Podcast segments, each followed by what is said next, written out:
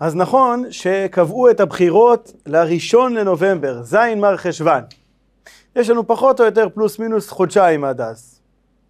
ויש לנו את הבחירה בידינו, מה יהיה הדופק שלנו בשבועות הללו עד הראשון לנובמבר.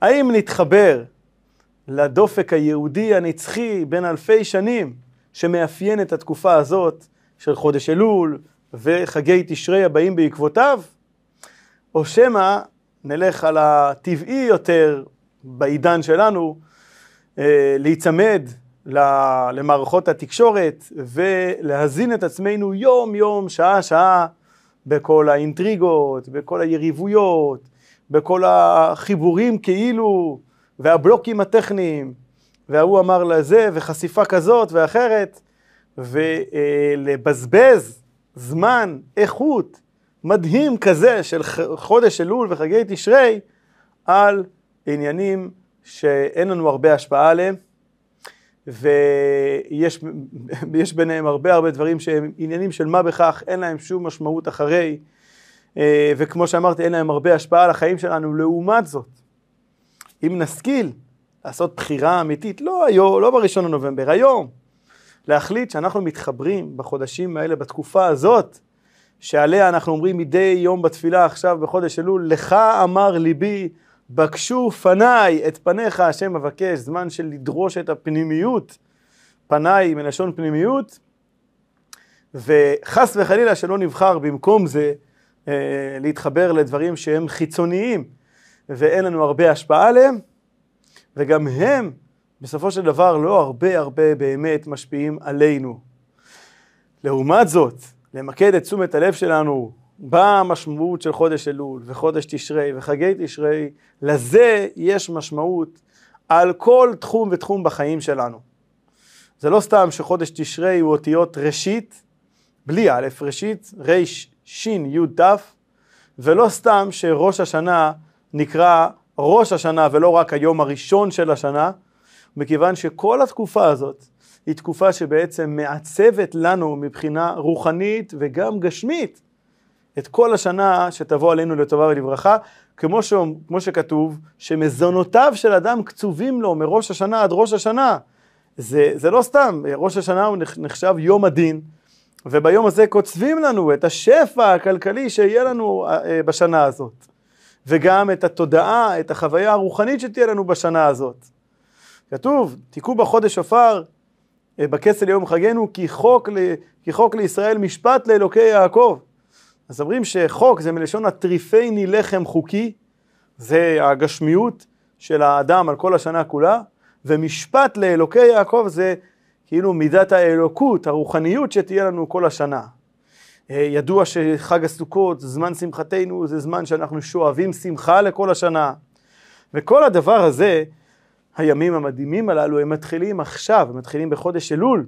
כי כשאנחנו מממשים את ההזדמנות היוצאת מן הכלל של חודש אלול, שבו המלך בשדה קרוב אלינו, נגיש אלינו, נותן לנו הזדמנות שאנחנו מממשים את ההזדמנות הזאת, אזי יהיו לנו חגי תשרי ראויים. הרי אי אפשר לנחות פתאום ליום כיפור, תאורטית אפשר, אבל ברור שככל שאנחנו מכינים את עצמנו טוב יותר, אז כאשר מגיעים הימים האלה אנחנו חווים אותם, מממשים אותם, ובעצם מסדרים לעצמנו, כן, גם מבחינה רוחנית וגם מבחינה גשמית, את השנה הבאה עלינו לטובה ולברכה, שתהיה שנה טובה ומתוקה.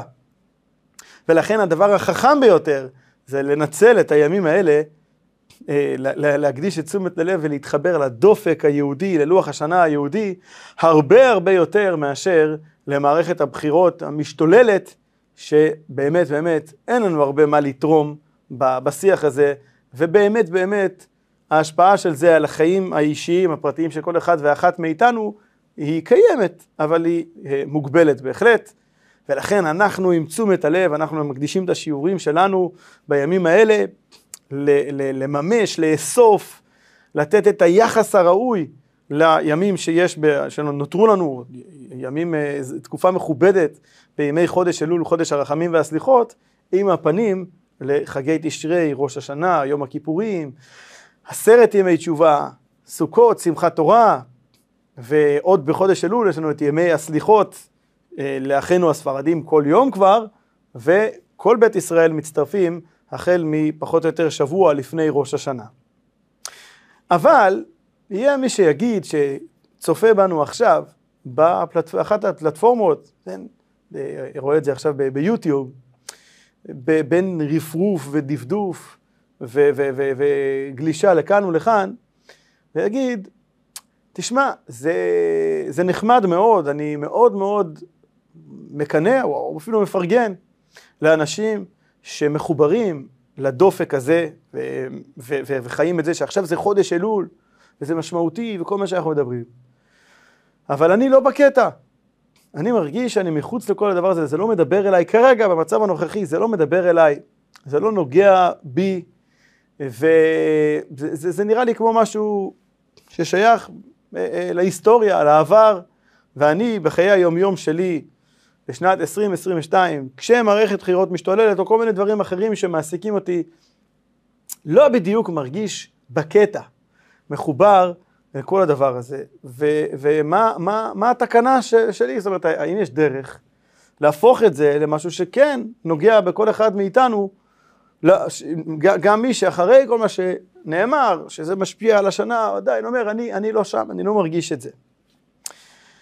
ומסתבר שבפרשת כי תצא, אה, יש כמה וכמה מסרים שא' קשורים בצורה מעניינת מאוד לתקופה הזאת של חודש אלול, ובאופן ממוקד יותר יכולים להיות תשובה לתהייה הזאת או לתחושות האלה של אני לא מחובר כרגע, אני לא בקטע, אני לא בעניין, וזה יוכל, תוכל להיות אה, אה, תשובה ומסר מחבר ו, ו, ו, ומושך לעבר אה, ההתחברות לדופק היהודי, ללוח השנה היהודי, אלול תשרי. הפרשה פותחת במצווה של אשת יפת תואר, וההקשר שלנו כעת הוא לא לדון במשמעות הפשוטה של הסיפור הזה, אלא איך שהוא נדרש, איך שהפסוקים האלה נדרשים בספרי הסוד, בספר הזוהר.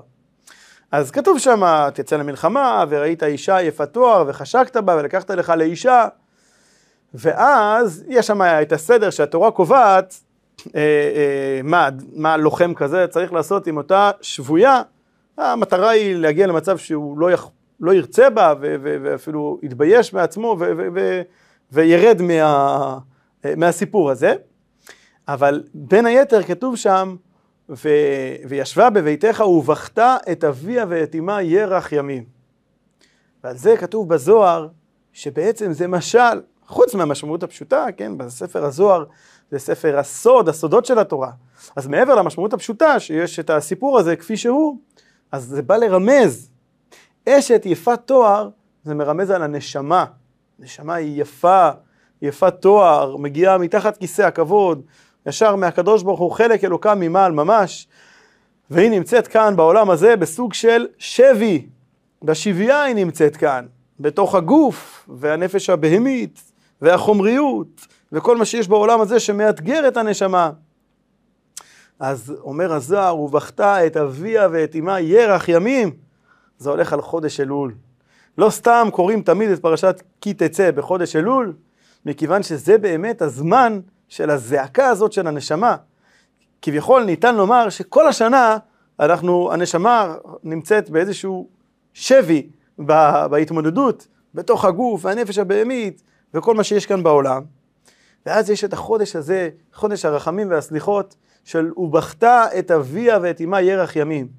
ברור שאנחנו צריכים לעשות הכל בשמחה, גם תשובה, ולא רק גם, אם כל מצווה צריך לעשות בשמחה, אז על אחת כמה וכמה מהמצווה הגדולה כמו תשובה צריכה להיעשות בשמחה, וזה לא סותר לכך שאחד מהאלמנטים שמביאים לידי ביטוי את עומק התשובה זה, זה כן, זה בכי. זה לא בכי שמוריד, שמוריד אותנו, זה לא בכי בכיוון של דיכאון חלילה וגם לא עצבות. זה יותר בכי של כמו התמרמרות, התקוממות על המצב. כשאדם מפנים את, ה, את המצב שבו, הרוחני שלו, וכמה הוא התרחק, וכמה הוא יכול היה לעשות יותר, כמה הוא צריך לעשות יותר, כמה אפשר לעשות יותר, כמה כדאי לעשות יותר, אז הוא מתקומם על, ה, על, על, על המצב שהוא מוצא את עצמו, אם הוא עושה חשבון נפש אמיתי. וההתקוממות הזאת באה לידי ביטוי בבכי, בכי של, של אה, חוסר השלמה עם המצב. אני לא מוכן לקבל את המצב הזה עוד כמו שהוא, אני רוצה שינוי. זה הבכי של הנשמה, במיוחד בימי חודש אלול, ועל זה אומר הזוהר שכשכתוב ובכתה, ובכתה את אביה ואת אמה ירח ימים, זה מתייחס לבכייה של הנשמה בימי חודש אלול, בחודש הזה שהיא בוכה וזועקת ברצון לשפר ו- ו- ולתקן ולהיות במצב הרבה הרבה הרבה יותר נכון וטוב. בנוסף, בין היתר בפרשת כי תצא מונחים כל היסודות של קידושין וגם גירושין אה, כ- כמצווה, מצוות קידושין, ואיך גם אה, כותבים, איך נותנים גט ו- ופועלים גירושין. ואנחנו יודעים שכל הנושא הזה של נישואין, וגם ההפך מזה הגירושין, יש אותו גם במערכת היחסים בינינו לבין הקדוש ברוך הוא.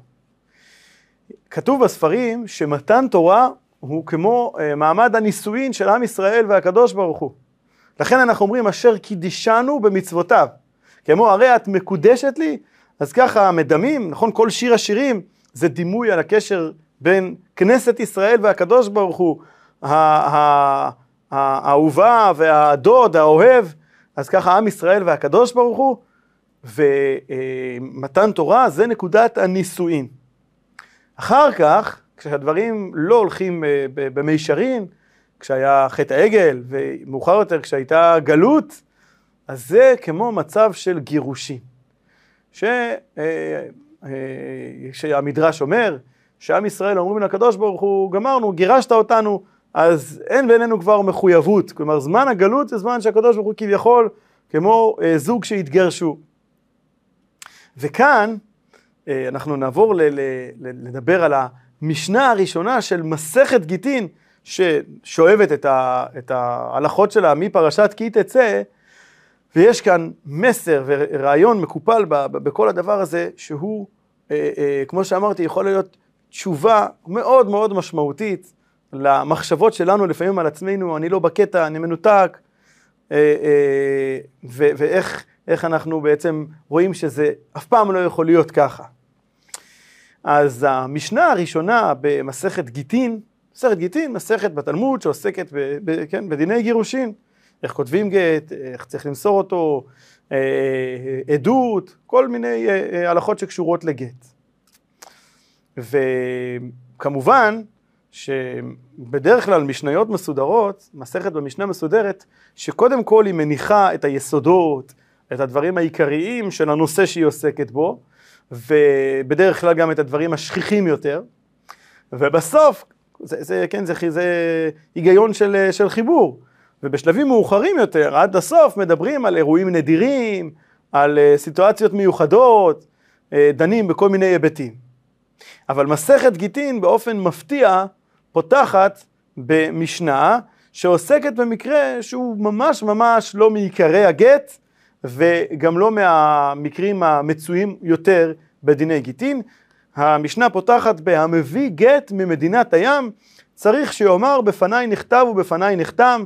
כן, יש הרבה ישיבות שהתחילו ללמוד השנה בחודש אלול במסכת גיטין, אז זו המשנה שהם אה, לומדים, שמי שמביא גט מעבר לים, אז צריך אה, עדות מיוחדת, שהשליח צריך לומר שבפניי הגט הזה נכתב ובפניי נחתם מכל מיני סיבות, זה כך פותחת מסכת גיטין, ועל זה שואל הרבי מלובביץ', שואל, מה, לא מצאנו, לא מצאנו אה, אה, הלכות הרבה הרבה יותר בסיסיות בגיטין והרבה יותר מצויות לפתוח בהם את מסכת גיטין? איך זה שמסכת גיטין הגדולה שכוללת את כל הלכות הגט, ויש דברים הרבה הרבה יותר אה, אה, הכרחיים ובסיסיים, כמו על מה כותבים את הגט, שצריך לתת לה את זה ונתן בידה, כל מיני הלכות מאוד מאוד יסודיות בדיני גיטין, הרבה הרבה לפני המביא גט ממדינת הים. ואיך זה יכול להיות שהמשנה, המסכת הזאת פותחת בהלכה כזאת נדירה ומקרה כל כך ספציפי. וההסבר לכך מונח או, או בהסבר לזה מונח הרעיון הגדול של הקשר שלנו עם הקדוש ברוך הוא.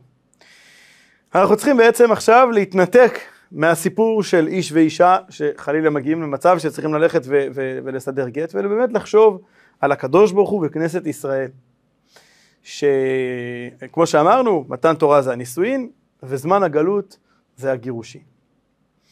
וכאן מתעוררת שאלה, אה, אה, כן, בסגנון של תורת החסידות, ומתעוררת כאן שאלה, האם ייתכן בכלל, איך ייתכן בכלל, מציאות כזאת, שהקדוש ברוך הוא כביכול יגרש את עם ישראל. למה, למה אנחנו שואלים את זה? מכיוון שאחת מההלכות היסודיות בדיני הגט, זה שכדי שיתבצעו גירושין, הגט צריך לצאת מהידיים של הבעל ולהגיע לרשות של האישה, ליד שלה, לשליח שלה, אה, אה, לרשות שלה, אבל הנקודה היא שהגט צריך לצאת מהרשות של הבעל. וכאשר אנחנו מדברים על הקדוש ברוך הוא ועלינו, אנחנו יודעים הרי שמלוא כל הארץ כבודו, אין מקום שפנוי ממנו, וממילא יש כאן פאול טכני ביסוד, הקדוש ברוך הוא כאילו לא יכול אף פעם לגרש אותנו, מכיוון שהגט אף פעם לא יכול לצאת מהרשות שלו, מכיוון שאין רשות שהיא לא הרשות שלו. אז איך זה בדיוק מתבצע? איך הקדוש ברוך הוא מבצע בדיוק את, את, את התהליך הזה, הכואב הזה, בזמן הגלות, לגרש את עם ישראל, כאשר בעצם ביסוד הוא לא יכול לקיים כביכול את ההלכה, אחת ההלכות הבסיסיות בדיני הגט, שהגט צריך לצאת מהידיים של הבעל ולהגיע לרשות של האישה, כאשר אין רשות שהיא לא הרשות שלו. ובאמת, על זה נאמר בנביא, בישעיהו, שהקדוש ברוך הוא אומר לעם ישראל, איה גט כריתות עמכם אשר שולחה. כאילו במובן מסוים הקדוש ברוך הוא מכחיש, אין, אין גט בכלל. ובאמת, זה התשובה, המביא גט ממדינת הים. מה זאת אומרת? המצב האמיתי לאשורו של הקדוש ברוך הוא ועם ישראל זה שהם לעולם נשארים נשואים. למה הם לעולם נשארים נשואים? בגלל שהגט לא יוצא מהרשות שלו. מה זאת אומרת? שבאמת יהודי והקדוש ברוך הוא הם לעולם ועד מחוברים. אין מציאות אמיתית של ניתוק, של פירוד. אלא מה, כאשר מדובר על עידן של מדינת הים, מדינת הים זה חוץ לארץ. חוץ לארץ במשמעות הסמלית, הרוחנית, זה מקום או תקופה, עידן, שהאלוקות מתכסה, ואנוכי אסתר אסתיר פניי ביום ההוא. כאשר האלוקות היא לא בהתגלות. כאשר האלוקות היא לא בהתגלות, המביא גט, מאיפה זה? ממדינת הים. כל העניין הזה, שיכול להיראות כלפי חוץ, בחיצוניות, בחוויה הסובייקטיבית שלנו כ, כ, כאנשים בשר ודם, תחושה כזאת של ניתוק, חס וחלילה, של פירוד, של עידן שבו אנחנו כמו אישה ש, ש, שהתגרשה מבעלה, מהקדוש ברוך הוא, זה רק במדינת הים, זו לא המציאות האמיתית. זה כאשר התקופה, כמו זמן הגלות, התקופה היא תקופה של הלם ואסתר, אז מצד ההלם והסתר יכול להיראות, ואנחנו יכולים לחוות כמו איזשהו עניין של גירושין, חלילה, כביכול בינינו לבין הקדוש ברוך הוא. אבל מצד האמת, שמלוא כל הארץ כבודו, ושיהודי לעולם לעולם לא יכול ולא רוצה להיפרד מאלוקות, להתנתק מאלוקות, מצד האמת הזאת, אז איה גט כריתות עמכם אשר שולחה, אין גט, אין גירושים, אנחנו לעולם ועד נשואים ו- ומחוברים בקשר שאי אפשר לנתק אותו. וזה גם מה שכתוב עוד פעם בפרשה, בפרשת כי תצא. כתוב שם, אה, אה, הפרשה מתייחסת למקרה אה, מזעזע, כן, של, של אונס, שאדם, שאדם רשע שאונס נערה, אז זה כמו, זה כמו רצח, התורה אומרת. ועל הפסוק, כי בשדה מצאה צעקה הנערה ואין מושיע לה, אז אומר הרבי, הרבי הצמח צדק, האדמו"ר השלישי, הנכד של בעל התניא, הוא דורש את הפסוק הזה בצורה מדהימה. הוא אומר שבעצם, בעצם, בעצם יהודי, גם כשהוא חוטא, הנשמה שלו היא בשיא הנאמנות לקדוש ברוך הוא. זה רק יצרו שאנסו, רק היצר שלו אונס אותו. הוא באמת יהודי תמיד תמיד רוצה לעשות את כל מה שהקדוש ברוך הוא מבקש ממנו. אלא שיצרו הוא שאנסו, וזה מה שאומר כאן הכתוב, כי בשדה מצאה צעקה הנערה. היצר, עשיו, איש שדה, תופס את הנערה, את הנשמה, את, את כן, עוד פעם, הדימוי של הנשמה, כמו מקודם, היא יפת תואר, ועכשיו הנערה, והוא תופס אותה, ואונס אותה יהודי לחתור, צעקה הנערה. הנשמה זועקת לקדוש ברוך הוא, ואין מושיע לה. אומר הצמח צדק, מה זה ואין מושיע לה שמגיעה לה כאשר הנשמה צועקת? אז באה עליה ישועה מבחינת עין, ועין מושיע לה. צעקה הנערה ועין מושיע לה. כמו שאומרים, אשא עיניי להרים, מאין יבוא עזרי, עין זה בחינה מאוד גבוהה. זו בחינה באלוקות שהיא למעלה מכל סדר והדרגה, למעלה מהשתלשלות, אז על ידי שהנשמה זועקת, כאשר עשיו איש שדה אוחז בה, ויצרו של יהודי אונס אותו לחטוא, אז צעקה הנערה ועל ידי זה ועין מושיע לה. הקדוש ברוך הוא במדרגה מאוד מאוד גבוהה מושיע לה. ובעניין הזה אנחנו גם רואים לימוד מהנושא של גט.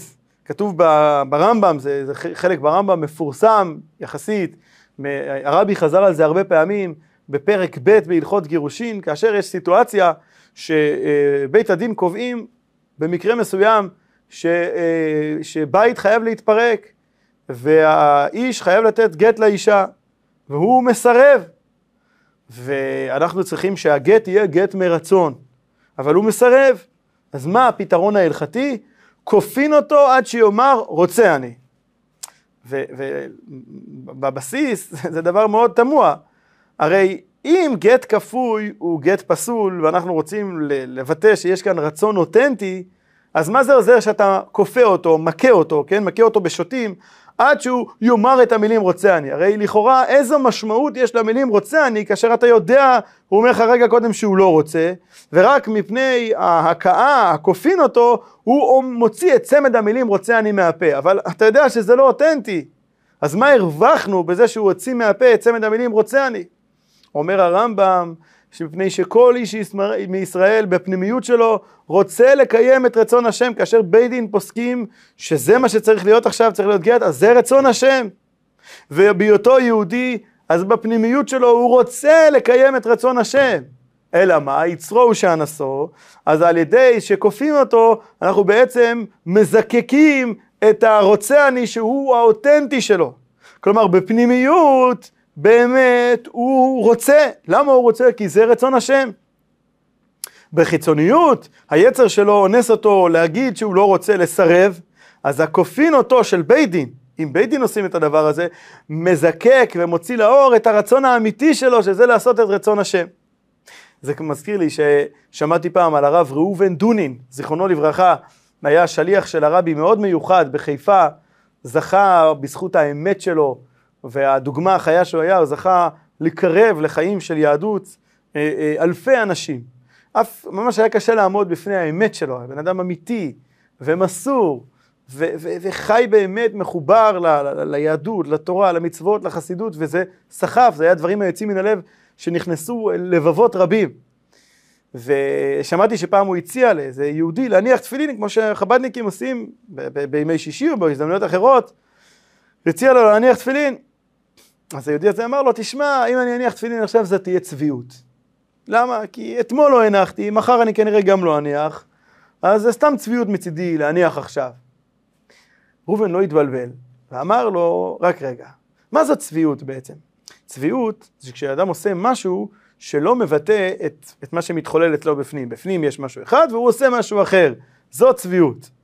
אמר לו, אתה הרי יהודי, אז בפנימיות שלך מה יש? בפנימיות שלך יש רצון להניח תפילין. זאת אומרת שכאשר אתה לא מניח תפילין, זו התנהגות לא אותנטית שלך. האותנטי הפנימי שלך זה כן להניח תפילין. כשאתה לא מניח תפילין זה לא אותנטי. אז מה, אתה אומר לי שבגלל שאתמול היית צבוע, ואולי גם מחר תהיה צבוע, אתה רוצה גם היום להיות צבוע?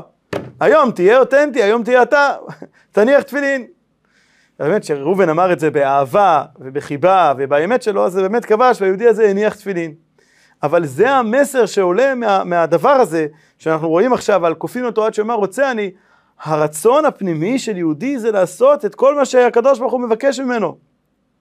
אם יש איזושהי תקלה בדרך, אם זה לא מתבצע, זה יצרו שאנסו, כי בשדה מצאה צעקה הנערה ואין מושיע לה. אבל גם בשעת החטא, הנשמה של יהודי, הרצון הפנימי שלו, זה לדבוק בהשם ולהמשיך להיות מחובר להשם. אין גט, אין פירוד בינינו לבין הקדוש ברוך הוא. החיבור הזה הוא חיבור נצחי וקיים, ו- ו- ושום דבר, לא הנסיבות של מדינת הים, של זמן הגלות, של מצב אישי כזה או אחר, לא מבטלות את הקשר האמיץ והחזק הזה שיש בינינו לבין הקדוש ברוך הוא, בין כל יהודי באופן אינדיבידואלי לקדוש ברוך הוא לעולם ועד. לכן, ראיתי שהיה פעם, באו אה, קבוצה של אה, כמה רבנים אה, מאוד חשובים ומשפיעים בארצות הברית, שקיימו הרבה פעילות של, של תחייה יהודית, אז הם הגיעו באיזושהי הזדמנות אל הרבי, במעמד הזה שהוא היה עומד בימי ראשון ומחלק את השטרות לצדקה, ואחד מהם ככה, בהרבה רצון טוב, הוא מברך את הרבי ו, ואומר, זה, זה דבר מדהים, כל הפעילות ש, שאתה מוביל בעולם, של קירוב רחוקים, ואני מברך אותך שתמשיך בעבודה הזאת של קירוב רחוקים לאורך ימים ושנים טובות, וחזר ככה כמה פעמים אל המטבע הלשון הזה, קירוב רחוקים, לקרב את הרחוקים.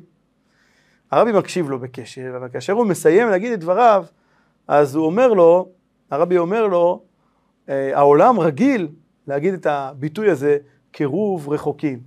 בא בשעה שאנחנו מדי יום בתפילה, מדי בוקר פותחים את התפילה, בהריני מקבל עליי מצוות עשה של ואהבת לרעך כמוך. ואהבת לרעך כמוך זה אומר שכל יהודי בבסיס הוא קרוב, הוא כבר קרוב. הוא רע, הוא חבר, הוא קרוב, הוא קרוב ליהודי שני, הוא קרוב ליהדות, הוא קרוב לקדוש ברוך הוא, הוא כבר קרוב.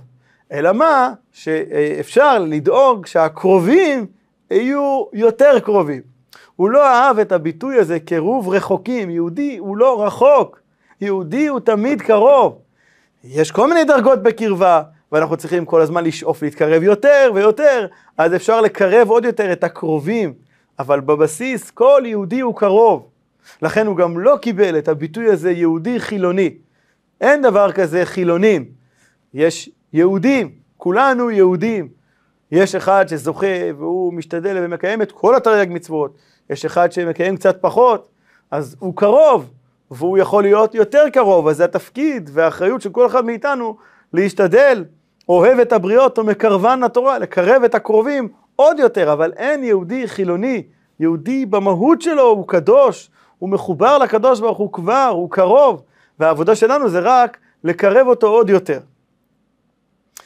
ולפעמים מתגנבת בנו התחושה שהימים האלה, ימי חודש אלול, ואחר כך עשרת ימי תשובה, ראש השנה יום כיפור, מתגנבת בנו תחושה שיש בהם איזשהו אלמנט של צביעות. אנחנו עומדים ביום כיפור ואומרים על חטא שחטאנו לפניך ומצטערים וצמים וכאילו אחרי שזה נגמר אז חוזרים, אנחנו חוזרים חזרה לכל העניינים שלנו ואוקיי העמדנו פנים בתקופה הזאת, קצת השתדלנו וזהו זה. זאת אומרת יש כאלה שמפתחים קצת ציניות כלפי זה ו- ו- ואולי גם מהסיבה הזאת הם מרגישים שהם לא בקטע כי זה, זה לא אמיתי, כל שנה זה מחזוריות כזאת שכשמגיעה התקופה הזאת, קצת מתעוררים, אבל אחר כך זה עובר. והתחושה ש, ש, שמתפתחת היא תחושה של איזושהי ציניות אה, כלפי הדבר הזה ו, ו, וחשדנות שזה, יש בזה אלמנט של צביעות. וזה מזכיר לי שהיה פעם איזה אה, חסיד של האדמו"ר המהר"ש, רבי שמואל שניאורסון, האדמו"ר הרביעי של חב"ד, והיה לו חסיד שהוא היה איש עסקים.